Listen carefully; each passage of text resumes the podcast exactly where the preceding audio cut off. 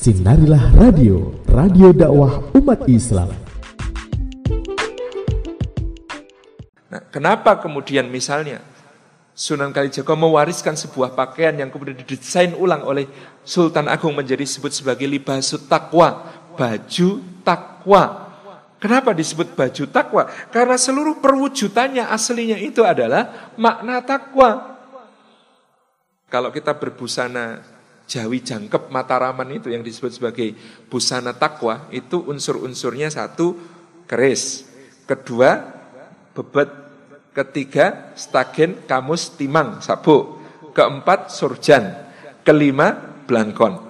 Itu standar, ada tambahan-tambahan dan juga semua punya makna. Tapi saya ingin jelaskan ini dulu. Kenapa takwa disimbolkan dengan pakaian walibasut takwa dalika khair dan pakaian takwa itulah yang terbaik? Karena makna takwa yang pertama apa? Kita ambil dari dialog Sayyidina Umar dengan Sayyidina Ubay bin Ka'ab. Wahai Ubay, apakah takwa itu? Sayyidina Ubay bin Ka'ab menjawab, Wahai Amirul Mukminin, pernahkah engkau berjalan di satu tempat banyak onak, banyak duri, banyak jebakan, cahaya remang-remang? Kata Sayyidina Umar, bala, iya saya pernah. Apa yang kau lakukan ketika itu? Jawab Sayyidina Umar, aku berhati-hati.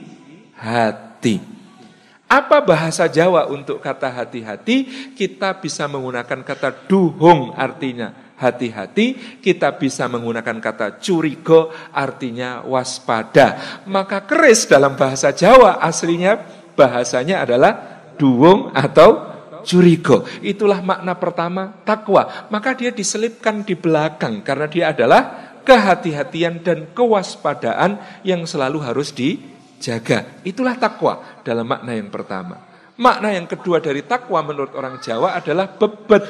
Kenapa? Perut dan di bawah perut terdapat syahwat. Syahwat ini harus dibebet, harus dibebat, tidak boleh dibiarkan liar, tidak boleh diumbar-umbar. Makanya wa amma man khaufa maqama rabbih wa nafsa 'anil hawa fa innal jannata hiyal ma'wa. Maka orang yang menahan diri karena takut kepada Allah Subhanahu wa taala lalu dia menahan diri dari hawa nafsunya maka surgalah tempat tinggalnya.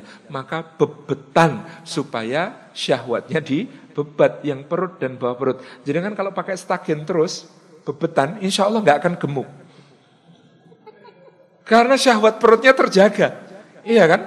Nggak akan gemuk itu. Karena syahwat perutnya terjaga. Dan syahwat bawah perutnya juga seharusnya di, dijaga Kemudian kenapa yang mengikat itu stagen? Stagen ini kemudian diberi sabuk, sabuknya apa namanya? Kamus dan timang. Karena yang bisa mengikat syahwat itu ilmu. Innama yakhsyallah min ibadihil ulama. Yang takut, benar-benar takut kepada Allah di antara hamba-hambanya hanyalah para ulama. Maka dia diikat dengan ilmu supaya menjadi ulama. Kenapa namanya kamus? Karena ilmu pertama yang diajarkan kepada Nabiullah Adam alaihissalam adalah wa Adam al asma'a kullaha. Allah ajarkan kepada Adam nama-nama, kosakata, isim-isim, nama-nama benda kesemuanya. Sehingga namanya kamus. Kamus ini dibebat dengan timang. Kenapa disebut timang? Utlubul ilma minal mahdi ilal lahdi. Carilah ilmu dari buayan dari timangan sampai ke liang lahat. Lalu bajunya disebut sorjan. Kenapa sorjan? Dari kata sirojan. Itu adalah makna bahwa seorang yang bertakwa harus meladani kanjeng Nabi. Dia harus menjadi seorang yang mubasyir wa nadhir wa da'yan illahi bi'idnihi wa sirajam munira.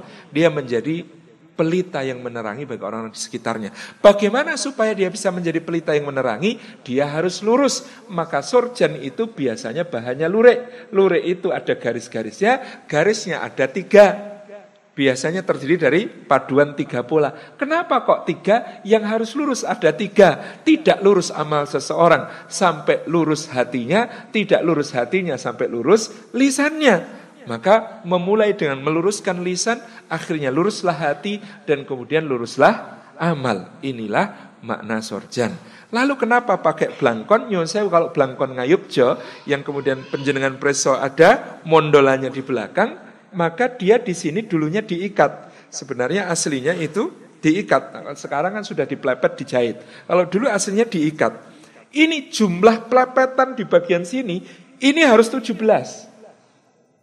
Yang di sini ini kemudian diikat. Ini yang diikat adalah la ilaha illallah Muhammadur Rasulullah, simbol tauhidnya. Yang di sini kenapa 17 17? Itu rokaat salat. Kalau pakai belangkon kok ora salat? Lucu.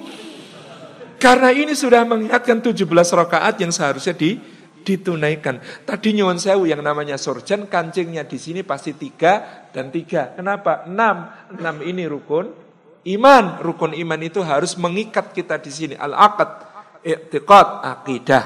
Kemudian yang di sini ada lima, yang di sini ada lima. Apa itu?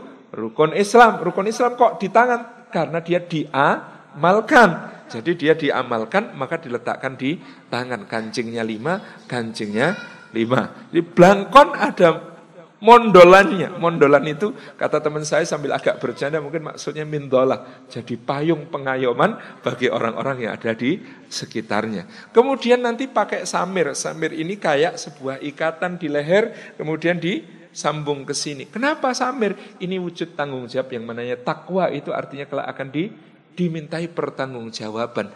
Karena apa? Makin bagus ini samirnya ini nyekeknya makin mudah gitu. Jadi ini kayak hiasan tapi sebenarnya adalah tanggung jawab pada Allah.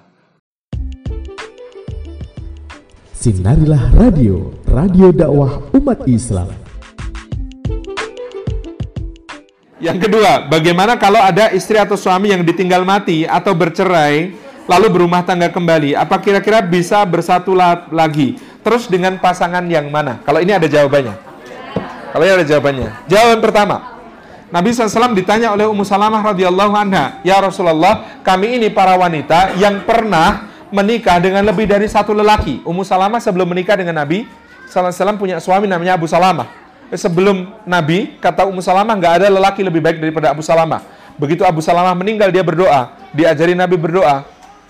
Allahumma jurni fi musibati wa khlufli khairan minha. Ya Allah, beri pahala aku dalam musibahku, ganti untukku yang lebih baik darinya. Itu berdoa sambil tidak yakin. Kenapa? Mana ada lelaki lebih baik daripada Abu Salamah. Dia ketika berdoa itu mikirnya begitu, nggak kebayang. Ternyata yang ngelamar dia adalah Rasulullah Sallallahu Alaihi Wasallam. Kata oh ya, berarti dikabulkan. Jadi maka Ummu Salamah bertanya, ya Rasulullah, kami ini perempuan yang pernah menikah dengan lebih dari satu lelaki.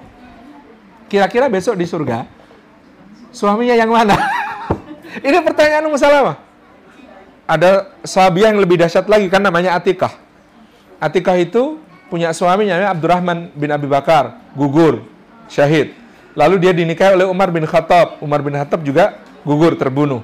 Lalu dia dinikahi oleh uh, Oh, suami pertama Zaid, maaf. Zaid bin Khattab gugur. Kemudian dinikahi Abdurrahman bin Abu Bakar gugur. Kemudian dinikahi Umar bin Khattab gugur, Umar. Kemudian dinikahi Husain bin Ali bin Abi Talib gugur, Husain. Terus dinikahi oleh seorang lagi, saya lupa namanya. Jadi itu dia punya lima atau enam suami, semuanya syahid fisabilillah. Jadi makanya orang-orang itu suka nikahi Atikah. Kenapa? Ini kalau nikah sama dia insya Allah syahid. kalau nikah sama dia insya Allah jadi syahid gitu. Jadi, jadi ada ada dalam masa Nabi dan para sahabat ada wanita yang punya lebih dari satu suami. Pertanyaan Ummu Salamah, nanti di surga dapat suami yang mana? Nabi SAW menjawab, dapat yang paling baik. Uh, dia dipersilahkan memilih dan dia akan memilih yang paling baik akhlaknya. Jawaban pertama, jawaban pertama, dia dipersilahkan memilih dan dia akan memilih yang paling baik akhlaknya. Ini hadis Ummu Salamah. Hadis kedua dari Abu Musa al Ashari radhiyallahu anhu ketika dia berwasiat kepada istrinya nanti jadi Abu Musa mau meninggal dia berwasiat sama istrinya kalau kamu masih mau bertemu denganku di surga kelak, kata Abu Musa al-Ashari, maka jangan engkau menikah lagi sepeninggalku. Karena aku mendengar Rasulullah bersabda, seorang wanita akan dikumpulkan bersama suaminya yang terakhir kelak di surga. Jadi, jawaban Abu Musa al-Ashari ini dari Rasulullah SAW, beliau mengatakan, alternatif kedua adalah dengan suami yang terakhir. Last means the best gitu ya. Jadi kesimpulannya kan itu the last means the best. Jadi yang terakhir itu dianggap yang terbaik berarti gitu. Jadi gitu ya, uh, Bapak Ibu yang dirahmati Allah.